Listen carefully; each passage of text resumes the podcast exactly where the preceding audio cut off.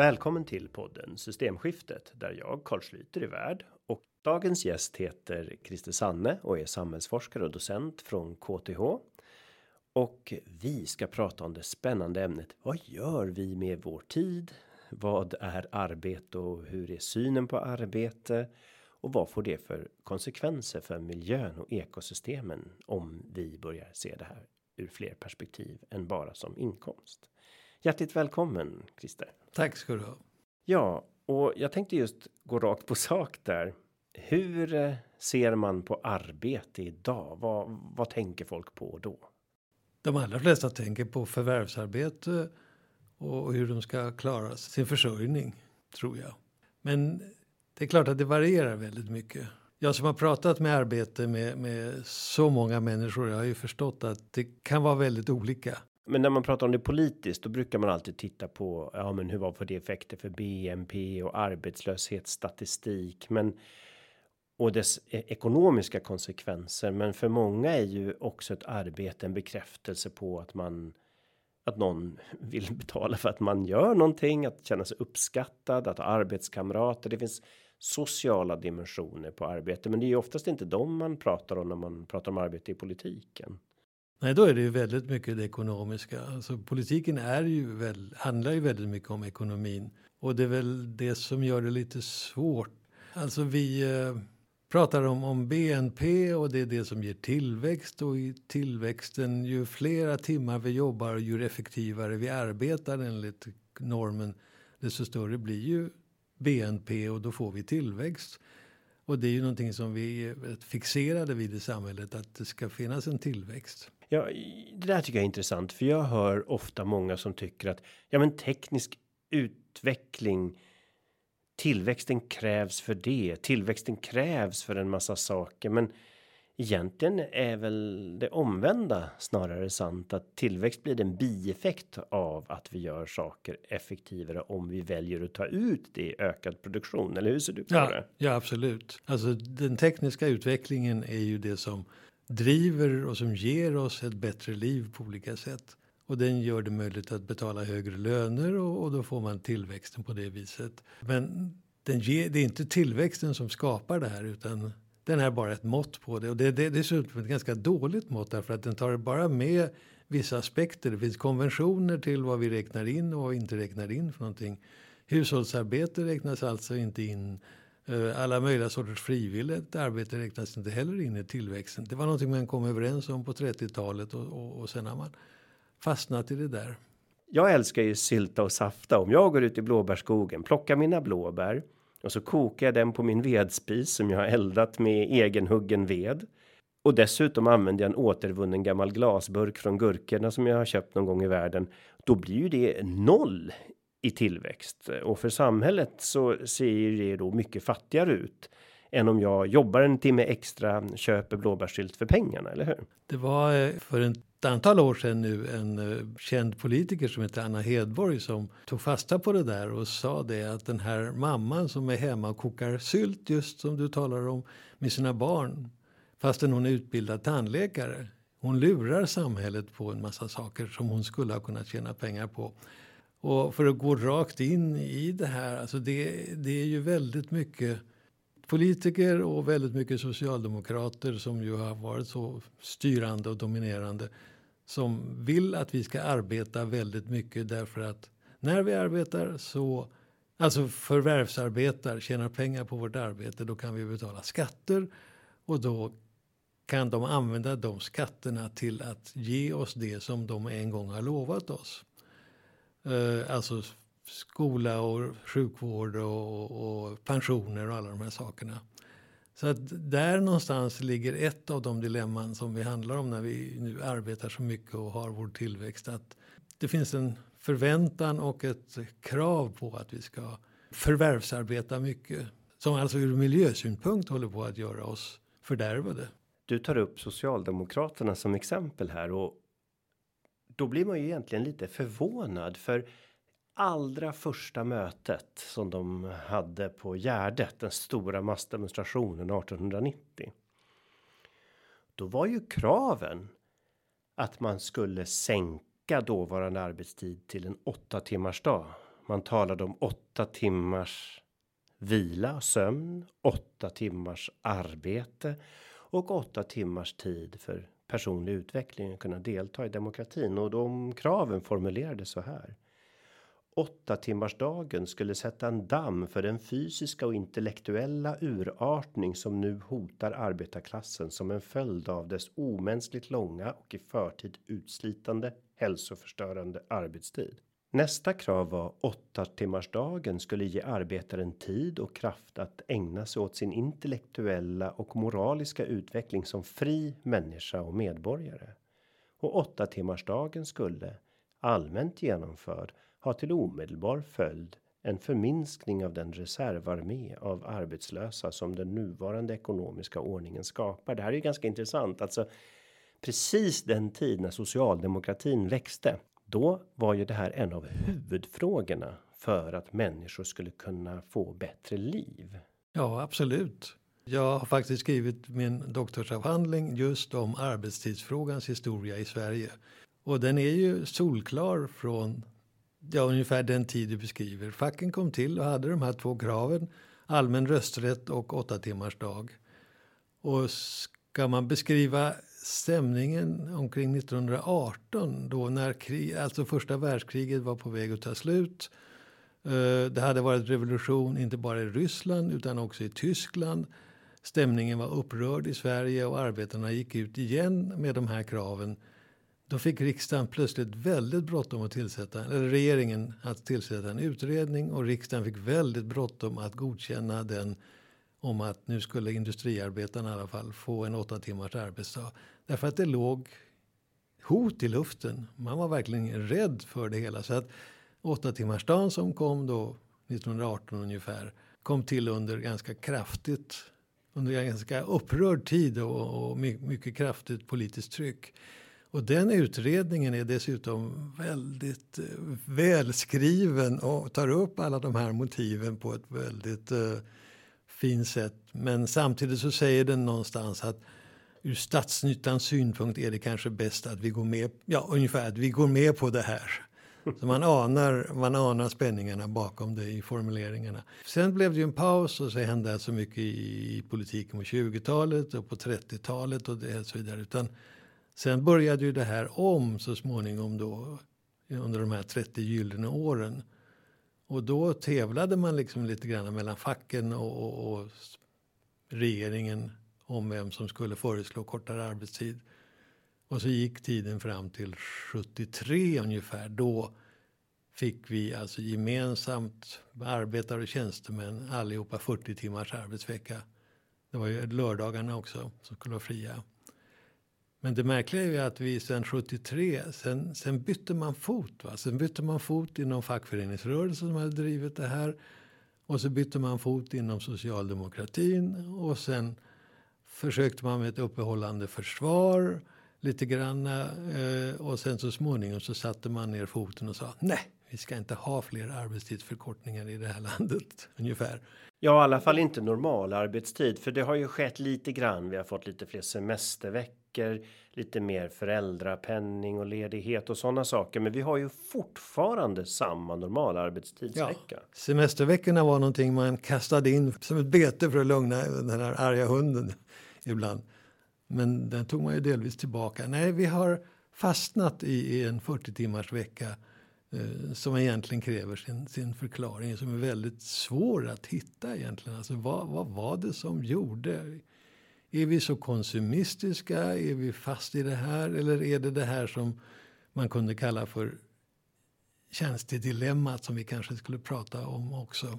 Ja, jag har en bra illustration på det. Min frisör som är drygt 75 år nu, men fortfarande jobbar och han berättade att när han var ung. Då behövde jag komma dit med en hink potatis ungefär för att uh, betala för en klippning. Men idag skulle jag behöva komma dit med lite mer än tre hinkar potatis för att få en klippning. Hur, hur kommer det sig? Vad är det?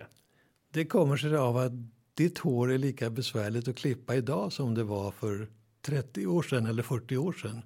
Medan däremot de som framställer potatis, om de inte gör det på det här komplicerade sättet som du berättar om, så skulle de kunna eh, göra mycket, mycket mer potatis. Så att priserna har förändrats på potatis, jordbruksprodukter jämfört med de här tjänsterna, de här personliga tjänsterna.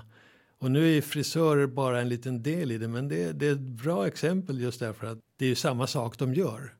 Medan däremot, jag nämnde tjänstedilemmat och det har fått en del andra namn också. Det var en amerikansk ekonom som hette Baumol och en del talar om Baumols dilemma. Och en del ekonomer älskar att kalla det för kostnadssjukan därför att den bidrar inte till tillväxten på det sättet som de skulle se, önska att den gjorde. Tjänstedilemmat handlar om att vi blir hela tiden effektivare och effektivare i det vi framställer. Vi får nya maskiner, nya tekniker, nya material och det gör, oss, gör att vi kan framställa så mycket mera grejer per timme.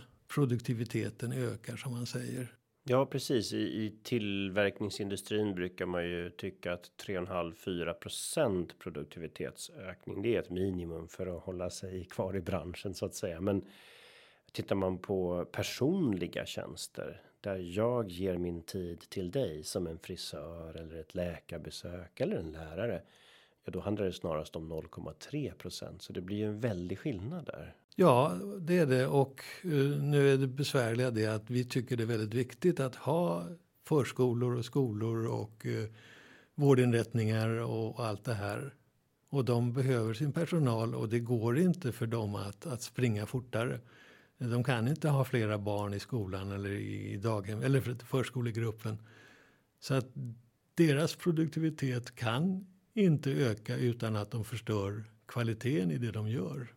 Nej, de flesta skulle nog inte uppskatta att gå in fyra personer i taget till läkaren till exempel bara för att man har liknande symptom. Det finns gränser som integritet och annat sätt. Nej, nej, och, och, kulturen tål inte det här. Min kollega brukar alltid tala om att när man ska spela en Beethoven kvartett så kan man inte vart 25 år ta bort en av musikanterna bara för att höja produktiviteten. Ja, det blir lite fattigare kan man tycka då. och man kan skratta åt det som en beskrivning, men men alltså det är en av de här riktigt stora samhällstrenderna. Och vi, vi måste på något vis begripa att vi har den och vi måste vara beredda att betala priset för den. Vi ska vara glada för att den, vi har en produktivitetsökning. Och problemet är bara, eller svårigheten är bara att se till att använda den på det klokaste sättet. Och klokaste sättet då är ju inte, åtminstone som jag ser det, att använda det här för att tillverka ständigt mer och mer. För till skillnad från när arbetarklassen först krävde kortare arbetstid som då byggde på personlig utveckling, möjlighet till vila och rimliga löner. Idag står vi ju också inför en annan systemgräns, nämligen naturen sätter stopp för vår ständigt ökade produktion. Ekosystemen behöver både tid och rum för att överleva och då ökar ökar ju snarast argumenten för att arbetstidsförkortning blir viktig. Absolut. Jag började min bana med att titta på hur omsorgen skulle kunna organiseras i framtiden. Så vi gjorde en rapport som hette Tid för omsorg, vilket var en slags dubbelmening. Och, och, och väldigt mycket handlade om kalkylerna. Så har vi, har vi så mycket folk så att vi kan bemanna alla dessa inrättningar i, i vården och omsorgen? Och jag tittade mig bara på, på de här utvecklingsdragen och insåg att visst har vi det. Därför att vi blir så mycket effektivare i tillverkningen av varor och en del av tjänsterna.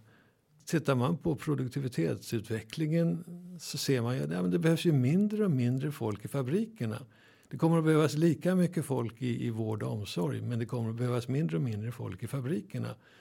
Vårt samhällsproblem är alltså hur kan vi sköta det här med någon slags exodus, att det vandrar ut folk ifrån fabriken och går över gatan in till skolorna och sjukvården och, och förskolorna. När det gäller människorna är det inget problem, men när det gäller betalningen för dem, det, det är då det uppstår har uppstått problem. Ja, jag hör massa ekonomiskt skrika i mitt huvud nu. Va? Vill du skicka in alla människor till den tärande sektorn som förbrukar våra skattepengar? Det var länge sedan jag hörde någon säga det där närande och tärande. Men det är riktigt, det sa man för 10-20 år sedan. Jag tror faktiskt att man har släppt det. Men däremot finns ju fortfarande den här föreställningen om hur viktigt det är att alla arbetar så mycket de kan. Det säger vår statsminister och det säger vår finansminister. Och det är ju då för att få in de här eh, skatterna som man tror ska räcka till för att betala för alla de här sakerna. Men alltså det, det verkligt besvärliga med tjänstedilemmat är ju att de har fel.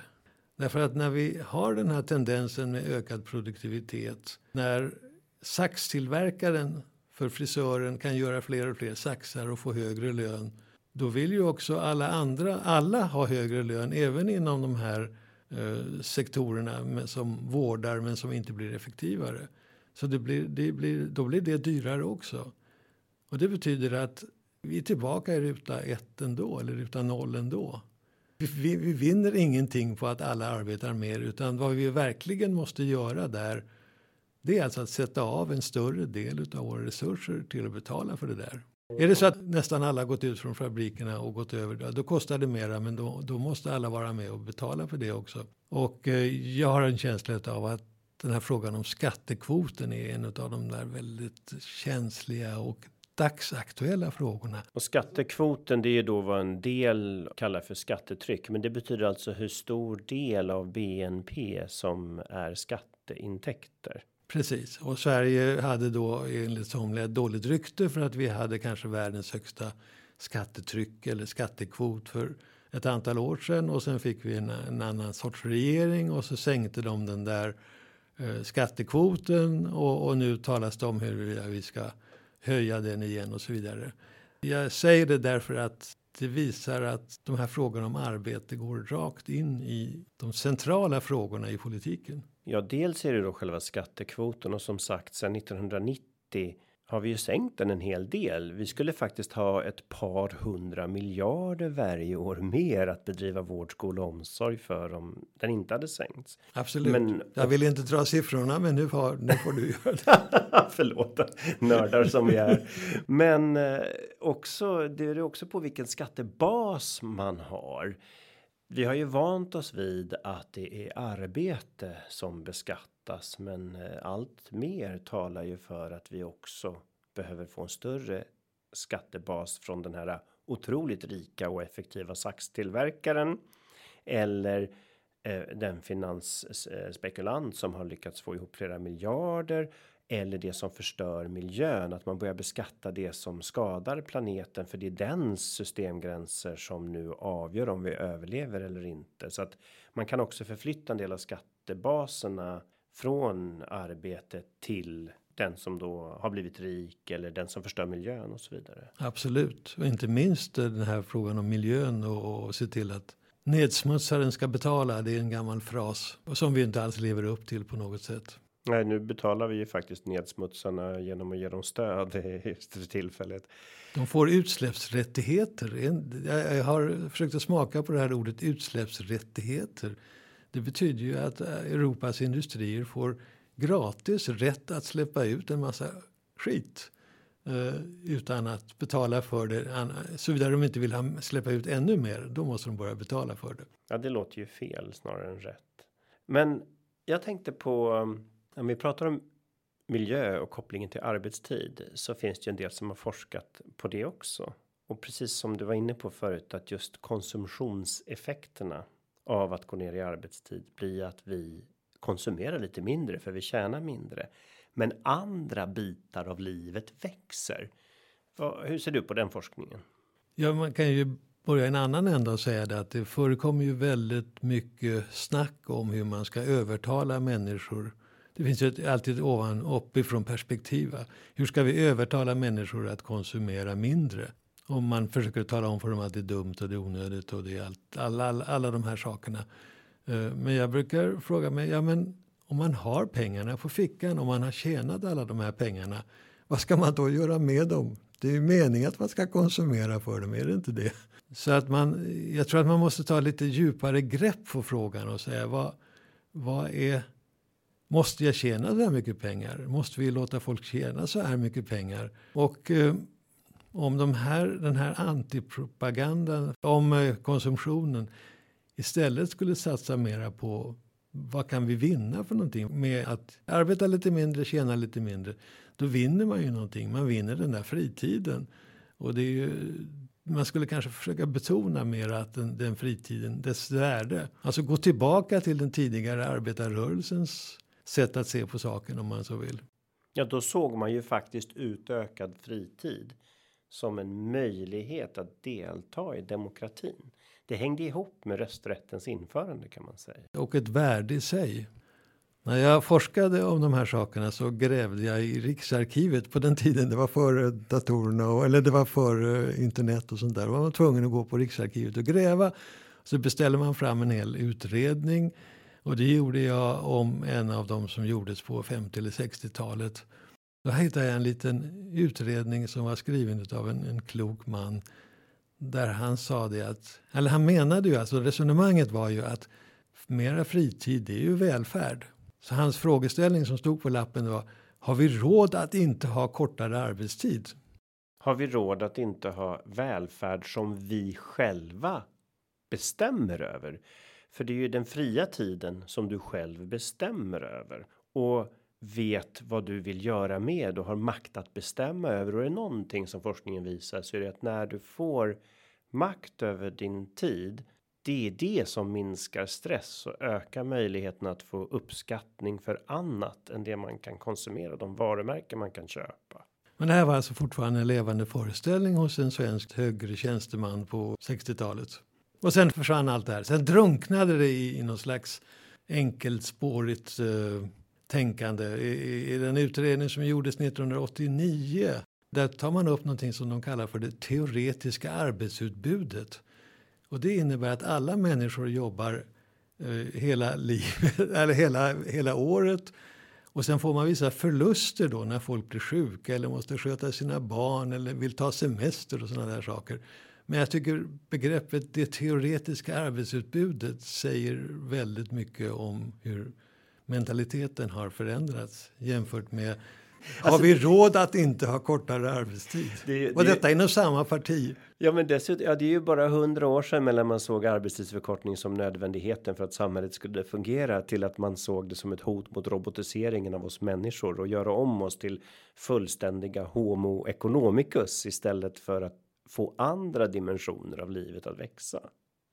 Jag minns en forskare jag träffade som heter Jörgen Larsson som tittade just på vad händer när pappor som får barn sänker sin arbetstid och lön. Så de gick ner till sex timmars dag istället och så visade att det här projektet var oerhört framgångsrikt.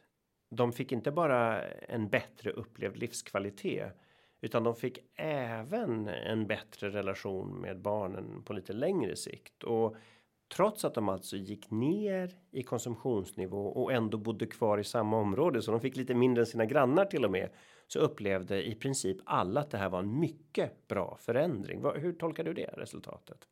Ja, det är väl inte så märkvärdigt. Däremot så var jag tillräckligt inblandad i det här så jag vet att det var ganska svårt att hitta de där papporna. Det var inte många exempel man kunde hitta på att folk gjorde på det där viset. Så vad beror det på? Är det normer? Vad skulle vi kunna förändra i samhället som gör att fler ser att en utveckling mot mer fri tid är en välfärdsförbättring?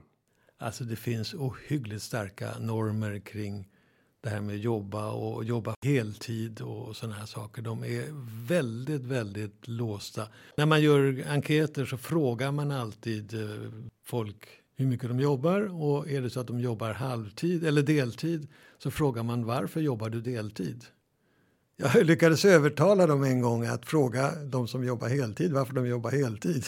Men då fick man ganska banala svar. Alltså. Det, det, det, det hade man inte man hade inte tänkt de banorna helt enkelt. Eh, man går till jobbet och man gör, gör sin plikt och det, det finns mycket som är fastlåst kring det där i Sverige ett bra exempel vi brukar prata om är holländarna som har mycket större upplösning i det där. Alltså där kan en professor jobba 50 och 70 och 80% och kanske 100% också. Det är mycket mer eh, etablerat. Det är säkert en kombination av normer och möjligheter också. Alltså formella möjligheter. Ja, så Visst kan man sänka normalarbetstiden och det skulle bli miljöfördelar och det skulle ge fler människor möjlighet att jobba den nya heltidsnormen då om det är det som man vill. Men också fler saker skulle kunna ändras från politikens sida. Är det någonting du tänker på som man skulle kunna göra för att hjälpa till att se värdet av andra normer? Jag har inte spekulerat kring det så mycket utan jag har väl mera tittat på vad folk har svarat. Jag kommer ihåg en enkät som gjordes av Kommunal kring det här med kortare arbetstid och, och den visar just det där att ja, man ville jobba heltid. Men man ville, och så frågar man vad ska heltiden vara då? Ja, den kan vara 35 eller 30 timmar. Så det fanns en eh, kombination där utav att jag vill jobba, jag vill göra som alla andra gör men, men jag vill att det ska vara kortare. Ja, du frågar efter vad man kan göra åt det. Man måste ta initiativet. Ja, så att sänkningen av normalarbetstiden blir automatiskt normskapande. Det blir det nya normala då, för de flesta vill vara som de flesta andra på något sätt. Ja, det tror jag. Det tror jag det är. Tyvärr så ger ju det en lite pessimistisk prognos därför att det verkar inte som om våra politiker är intresserade av det. Man har gjort intressanta enkäter jämfört med vad riksdagsledamöter säger om kortare arbetstid och vad folk säger om kortare arbetstid. Och det finns ingen fråga i politiken där det skiljer så mycket. Ja, just ja. Det där kommer jag ihåg. Jag undrar om inte jag till och med tog med i någon motion när jag satt i riksdagen. För mig att det var ungefär 17% av riksdagsledamöterna ja, som var ja, för och ja. en majoritet av befolkningen ja, vill gärna det ha det.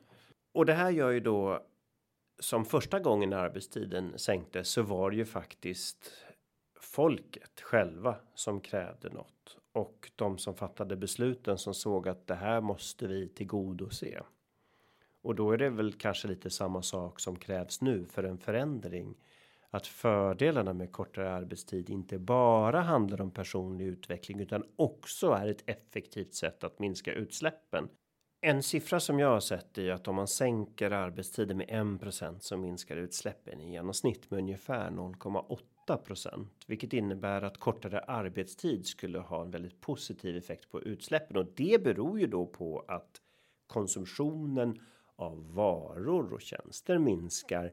Men möjligheten att eh, själv bestämma över sin fria tid ökar och att utsläppen totalt sett då minskar. Och man dessutom får andra sociala aspekter att man till exempel kan få uppskattning för någonting man gör, vem man är snarare än de varumärken man har på sig, vilket gör att det inte bara den rikaste i kvarteret som kan vara mest framgångsrik utan alla kan vara framgångsrika på sin sak som man själv tycker är intressant att göra och få uppskattning för.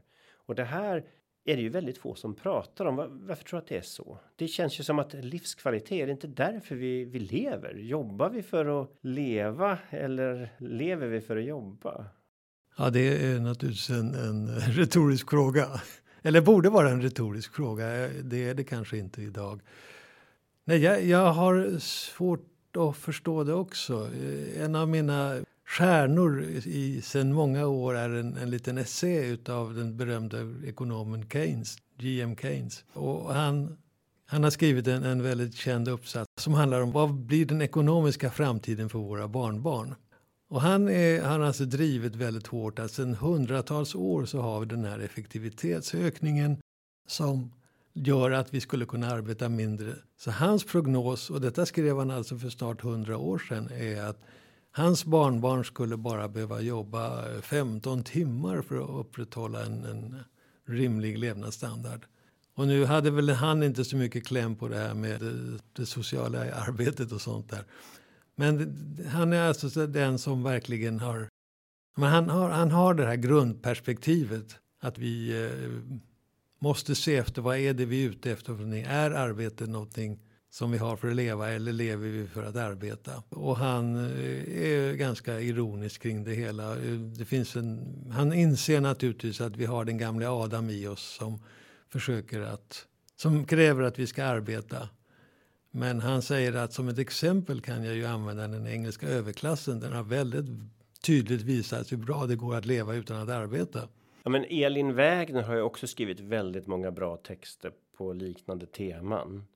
Men det finns faktiskt ännu äldre filosofer som har spekulerat kring det här. Jag tänker på John Stuart Mill när han skrev sin nationalekonomins principer 1848 och det är ju många liberaler som gillar Stuart Mills idéer.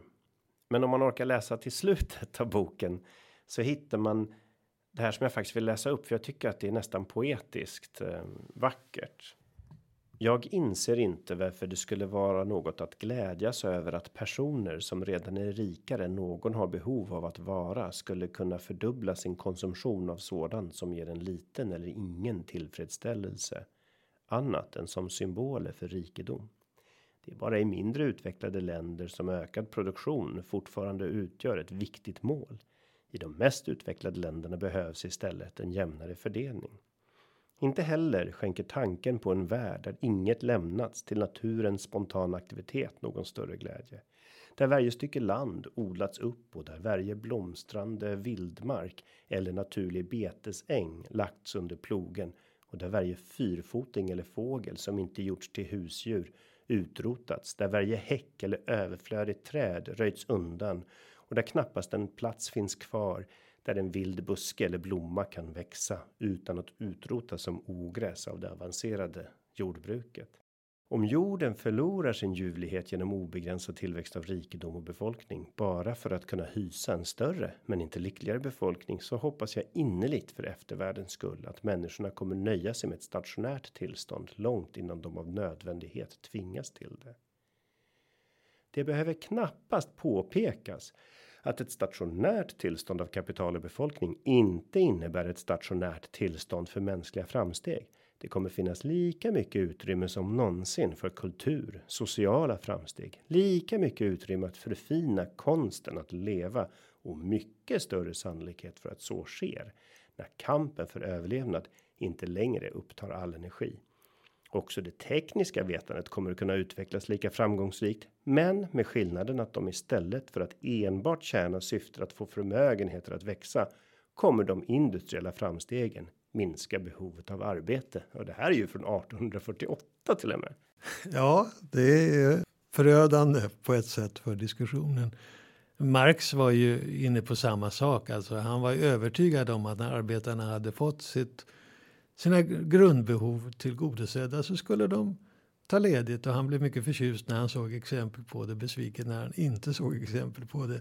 Keynes eh, pratar om om våra behov är av två slag, säger han. Jag kan inte citera dig så elegant, men eh, han säger att det ena sortens behov är sådana vi måste tillgodose eh, av olika praktiska skäl och de andra är sådana behov som vi har för att visa att vi är för mer eller bättre eller rikare än andra och de grundläggande behoven är ju mätbara och går att tillfredsställa men de här andra behoven går aldrig att tillgodose.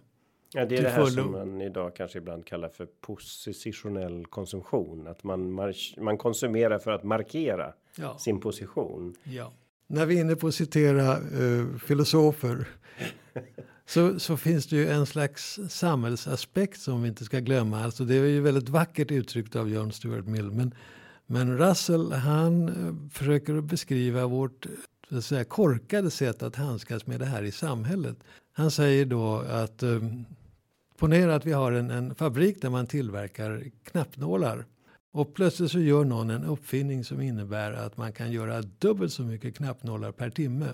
Det vettiga vore ju att man gjorde de här knappnålarna och sen lät man folk gå hem efter inte åtta timmar utan fyra timmar.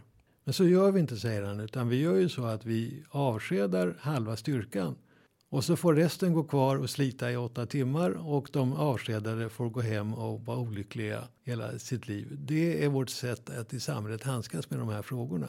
Ja, och om man då halverar tiden timmar på att tillverka knappnålar då kanske en del av de här människorna kan göra någonting som är bättre för miljön, någonting som behövs mer idag än igår. Och det är inte förändring i sig och nya arbetsuppgifter som vi behöver vara rädda för, utan det är hur vi gör förändringarna så att de inte skapar sociala problem, miljöproblem eller ekonomisk kollaps. Och det är det här jag tycker att vi har fastnat i att man till varje pris upprätthåller tillväxt utan att titta på vad vi gör med vår tid, vad vi gör med våra resurser och att koppla ihop då naturens gränser med sociala gränser för vad vi kan göra mot våra medmänniskor med ekonomiska gränser att vi kan inte tillåta att människor helt och hållet halkar igenom alla de här sakerna skulle ju faktiskt en kortare arbetstid hjälpa till med. De skulle minska utsläppen. Den skulle ge fler möjligheter till jobb när färre arbetstimmar behövs för att göra det vi behöver. Och vi skulle ge människor mer tid att utvecklas och känna efter vad man själv finner meningsfullt och då göra en nöjdare. Det verkar ju som en vin vin vin. Hur kommer det sig att inte alla politiker driver det här nu när vi ser liberaler som Stuart Mill, när vi ser Marx, när vi ser Russell, när vi ser Elin Wägner. Det är ju så många olika inriktningar här som alla egentligen talar om samma saker. Vilken modern filosof skulle kunna eh, ge oss underlag så att vi skulle kunna tro på de här sakerna därför att det ser ju inte så ljust ut idag.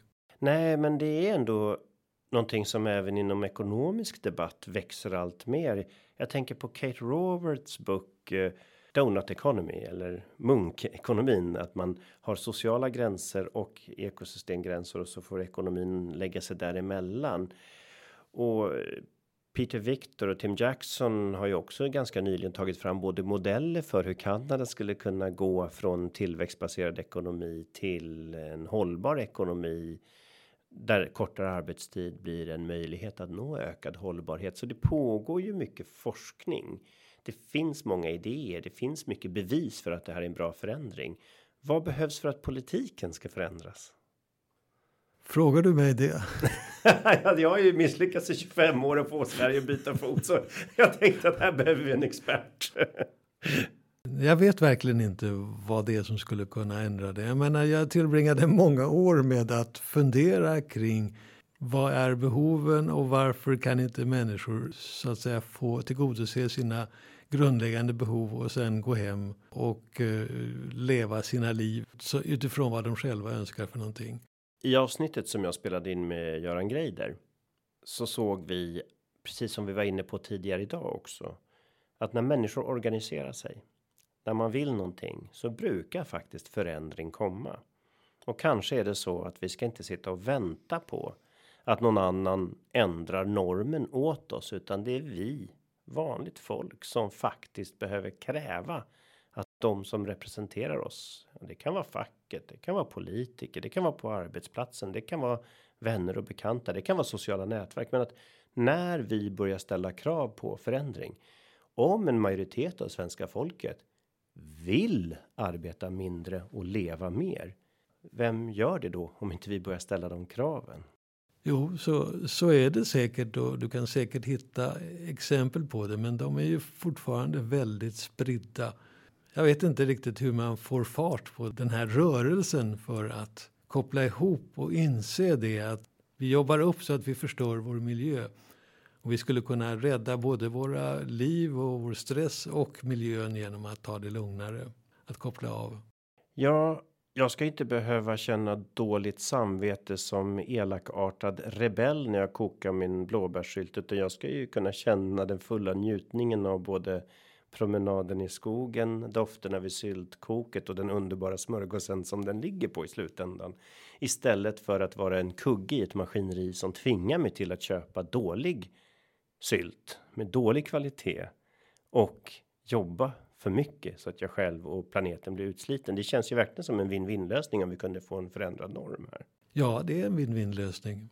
Eh, jag läste nyligen en artikel som du skrev som hette tillväxt eller välfärd. Och normalt sett så brukar ju folk sätta likhetstecken, men du sätter en motsats mellan där. Hur, hur tänkte du då? Jag tyckte det var på tiden att få formulera sig på det viset. Eh, därför att vi har blivit så att säga inmatade så länge med den här idén om välfärdstjänster, alltså de här tjänsterna som kostar pengar och som gör att man måste ha skatteintäkter och så vidare. Men förut har det ju funnits en levande, väldigt levande föreställning om att ha fritid är också välfärd. Det var det som den här gamle utredaren som jag var inne på beskrev när han sa det. Har vi råd att inte ha kortare arbetstid? Och sen finns det en tredje aspekt av välfärd som du har varit inne på också, nämligen naturen och att kunna njuta av naturen. Så det, välfärd för mig har tre aspekter. Och om jag säger så, tjatet eller den här fixeringen vid att nå ekonomisk tillväxt håller på att förstöra alla tre. Vi måste byta. Alltså, ni kallar det här för ett systemskifte och jag, jag tror att det är ett systemskifte. Det är en omställning och jag, jag uppfattar att den är ganska grundläggande, kräver att vi tänker om på ett ganska grundläggande sätt. Och det är då jag har fastnat i att arbetstidsfrågan borde kunna ha en sån här eh, central roll. Alltså kan vi börja nysta i den och dra i den så skulle vi ha möjligheter att visa det att det finns ett annat sätt att leva och det skulle vara väldigt bra för oss på flera sätt. Den här podden handlar om olika delar av systemförändringen och ibland måste man förklara komplicerade saker som banksystem när vi diskuterar det eller hur företag styrs som ett annat avsnitt handlar om.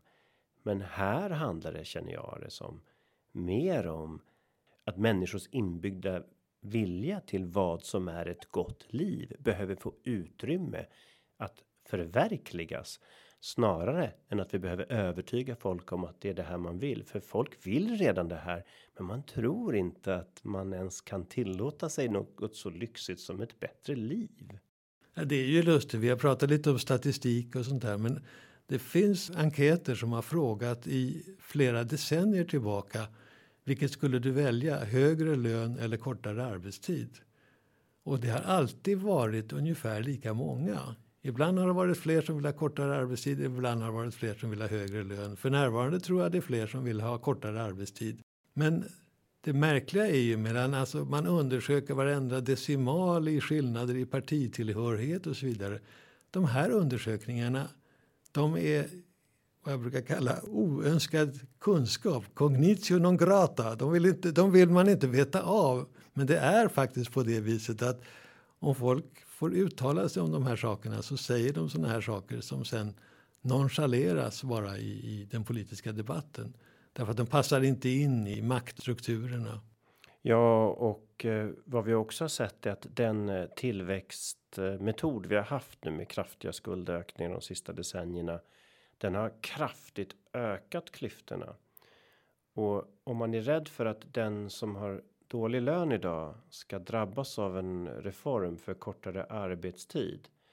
Så har vi ju sett när Frankrike införde kortare arbetstid att löneandelen av ekonomin för första gången på decennier gick upp.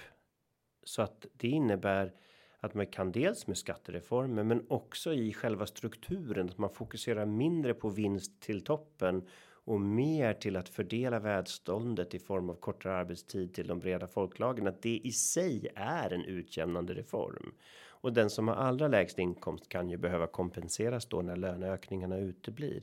Men annars är det alltså en reform som minskar även klyftorna har man ju sett historiskt. Ja, och eh, det är väldigt många som lyfter fram det här. Hur ska det gå för dem som har sämst betalt? Men när det gäller önskan att förkorta arbetstiden så är ju den utspridd i hela befolkningen nästan oavsett lönenivå. Det är en fråga som griper över. Vi ser ju också så att många av de yrken som sliter hårt på kroppen är dåligt betalda och det är naturligt att krav på kortare arbetstid även kommer där trots en låg lön. Men vi måste ju då se till att eh, klyftorna minskar samtidigt som den här reformen sker och det kan man ju göra då genom att också samtidigt ändra de delar av finanssystemet som ökar klyftorna. Och eh, det är naturligtvis så att de högavlönade har ofta arbetet som sitt livsinnehåll och har på så vis kanske svårare än andra att förstå idén med kortare arbetstid. Jag har hört det från så många i, i den kategorin att ska ni förbjuda mig att arbeta? Kan ni minska mina möjligheter att arbeta? Ja, det, det där är roligt för det är också som att när man diskuterar normalarbetstidens förkortning så tror alla som idag jobbar över 40 timmar att om vi ändrar det till 30 då är det plötsligt ett lagkrav på att ingen får jobba mer än 30. Det ändras ju inte i sig av en sån reform. Så att det är ju ganska märklig syn att exakt 40 timmar verkar vara helt perfekt. Det verkar vara Moses elfte budord för precis där är det exakta rätta måttet. Jag har aldrig hört någon som säger vi måste höja till 42 timmar. Jag tycker det skulle vara roligt med ett litet experiment där man sa det att ja, nu jobbar vi det här på det här kontoret varje dag utom fredag eftermiddag. För då är det frivilligt att sitta kvar och arbeta.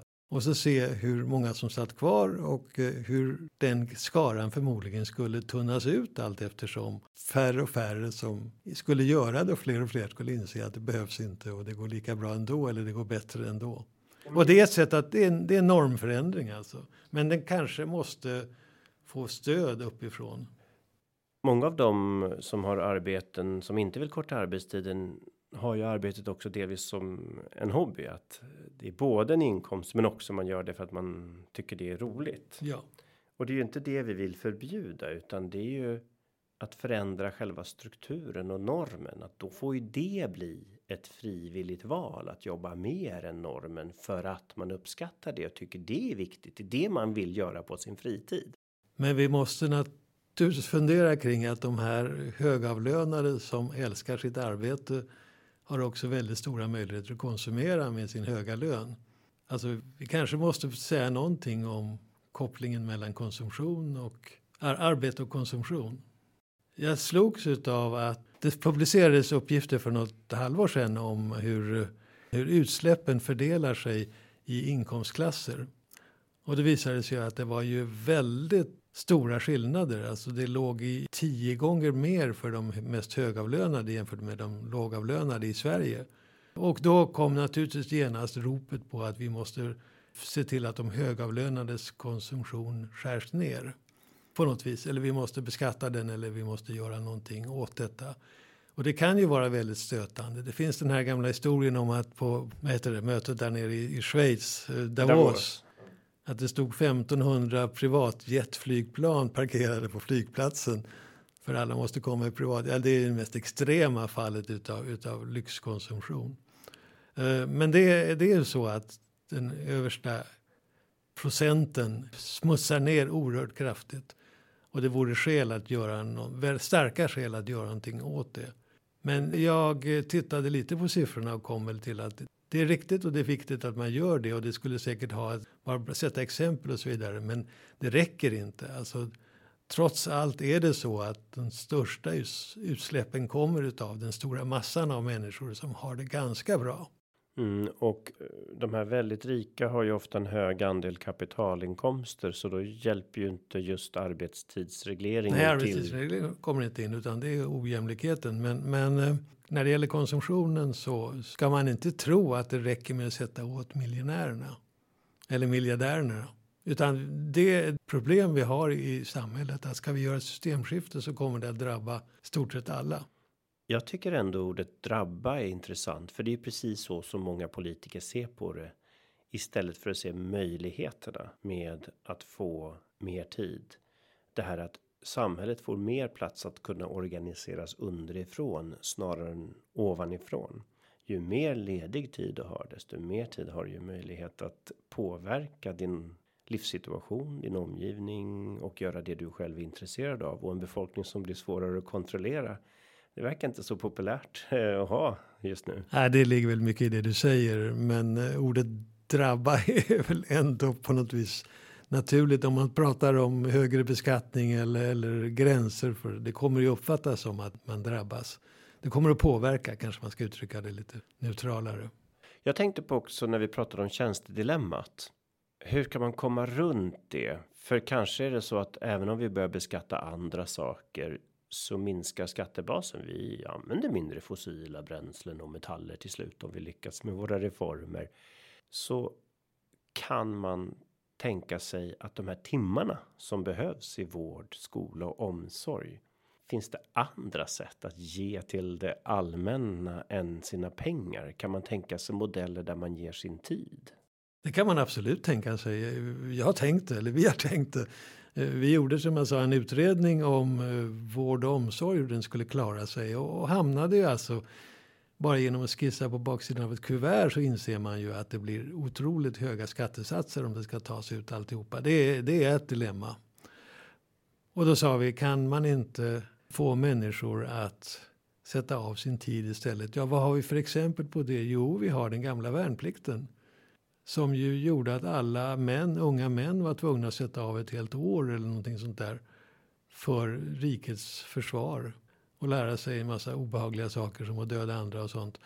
redan då, för 40 år sedan, var väl det här lite grann på väg ut. Och då sa vi, ja, men kan man inte införa någon allmän samhällstjänst istället som innebär att vi skulle få människor att göra nytta i sådana samhällsnyttiga funktioner som vi alla vill se. Och vi tänkte naturligtvis på att de kan göra de enklare jobben på en förskola, de kan hjälpa till med de enklare jobben på, på, i sjukvården och så vidare. Inte ersätta den kvalificerade personalen men göra allt möjligt annat jobb. Och vi såg ju väldigt stora fördelar med det. Precis som man brukar säga att värnplikten var demokratiserande så sa vi att här kan de ju få se också, få en inblick i vad som pågår och se en inblick i hur det är att bli gammal eller att vara med barn och så vidare. Och vi, ja, vi spann vidare på och sa att om nu inte alla passar för, för att vårda människor och ta hand om människor så kanske man kan ägna sig åt någon miljöarbete eller skogsröjning eller, eller vad som helst som vi tycker är nyttigt. Så vi tyckte att det där var en ganska bra idé. Jag ska säga det att det här var då början på 80-talet och vi fick en jäkla massa stryk för det. Eh, det pratades om Gulag och, och sådana här saker. Och, och, många människor sa väl att det blir naturligtvis svårt att genomföra det. Men, men det gläder mitt sinne att ungefär var tredje år så dyker det upp någon kommunaltjänsteman, någon kommunalpolitiker som säger att skulle vi inte kunna ha samhällstjänst istället att lösa de här problemen med. Och det är möjligt att tiden verkar för det. Ja, det är lite kul att de flesta anser att jag jobbar 40 timmar i veckan och 10-15 av dem går till att betala skatt. Men att ge 10 timmar i veckan av sin tid istället för att jobba och sen ge pengarna. Det verkar som att det upplevs som ett mycket större frihetsingrepp. Ja, det är möjligt, men de flesta protesterar väl i och för sig mot att betala så mycket skatt också. det, jag menar, det, man tittar på dagsdebatten om och så handlar den ju väldigt mycket om skattekvoten. Men om man då tänker sig att man skulle ge sin tid direkt då eliminerar vi ju tjänstedilemmat för då finns det alltid samma antal timmar till vård, skola, omsorg, vilket innebär att välfärden bibehålls eller kanske till och med utvecklas. Ja, jag minns inte vilka, men vi sa att en tredjedel, en fjärdedel eller något sånt där av arbetsbehovet skulle kunna täckas på det här sättet. Och det var inte dåligt. Så om vi då till exempel skulle införa en 30 timmars vecka så skulle då inkomsterna minska, men å andra sidan så skulle utsläppen också minska och andra bitar av livet växa och kanske några av de här 30 timmarna då istället skulle omvandlas till en samhällstjänst där vi gör direkt nytta som medborgare och och hjälper till. du menar de, de skillnaden mellan 40 och 30? Ja, precis. Skulle kunna användas en del av det. Ja, visst, ja, det, det är en väldigt bra deal tycker jag. Och då säkerställer vi välfärd och timmar till välfärd. Ja, och sen kan det också utveckla lokalsamhället. Jag menar, om det är så att man gjorde de där timmarna på den närmaste förskolan eller någonting sånt så skulle det också kunna förbättra det lokala arbetet. Ja, det kan, finns ju fritidsgårdar och det finns ju alla möjliga alla möjligheter. Ja, det finns ju så otroligt mycket arbete idag som ingen vill betala för. Som skärs ner på, men som är bra för samhället. Och som behövs. Och som behövs. Till exempel att inventera arter i skogen. Det bygger helt och hållet på frivilliga krafter i princip. Att markera leder i fjällen för all den fritid som folk får och för de som då inte har kunnat åka utomlands sista åren. Det är ju någonting som gör stor nytta, men som det går nästan helt uteslutande på bidrag och särskilda stöd det finns ju mycket samhällsviktig verksamhet utöver vård, skola och omsorg som skulle kunna möjliggöras med en sån reform. Så vi skulle behöva ett alternativ till BNP som tog fram värdet utav allt det här som pågår vid sidan utav det som ingår i ekonomin. Får min syltburk plats där också? Absolut. Nej förresten. Vissa saker får man bara göra utan att räkna. Det kanske är enklast. Jag vill inte räkna mina syltburkar. Nej, det är din fritid. Ja, det är din rena fritid. Ja. Nej, men uh, alltså problemet som Anna Hedborg lyfte var ju att det fanns någon, att man hade någon slags arbetsplikt i samhället. Att man måste utnyttja upp till den satta normen och man skulle göra det inom det område där man var, var utbildad och specialist. Istället för att få ägna sig åt någonting annat. Men eh, vårt samhälle är ju så rikt idag så att vi behöver ju inte alla de där timmarna. Alltså sen vi införde 40-timmarsdagen har vi väl i stort sett blivit dubbelt så rika. Vilket borde betyda att vi kunde jobba hälften så många timmar och ändå ha det lika bra som vi hade det på 70-talet. Det, det är ett väldigt grovt sätt att se på det. Men eh, jag tror att man borde försöka tänka mer i de termerna. Hade vi det inte tillräckligt bra på 80-talet, 90-talet och varför, vad har vi haft för nytta utav att vi har fortsatt den här vandringen? Hade vi inte varit bättre att ha kortare arbetstid och utnyttja den för alla de saker som vi har pratat om? Och då vill jag också påminna om att vi har ju haft en teknikutveckling. Det är inte den vi pratar om, för den här podden hade du inte kunnat lyssna på i din mobiltelefon på 80-talet. Men det är ju inte det vi talar om här, utan det är den totala inkomsterna. Teknikutvecklingen sker oberoende av detta. Det är ju viktigt att poängtera. Absolut.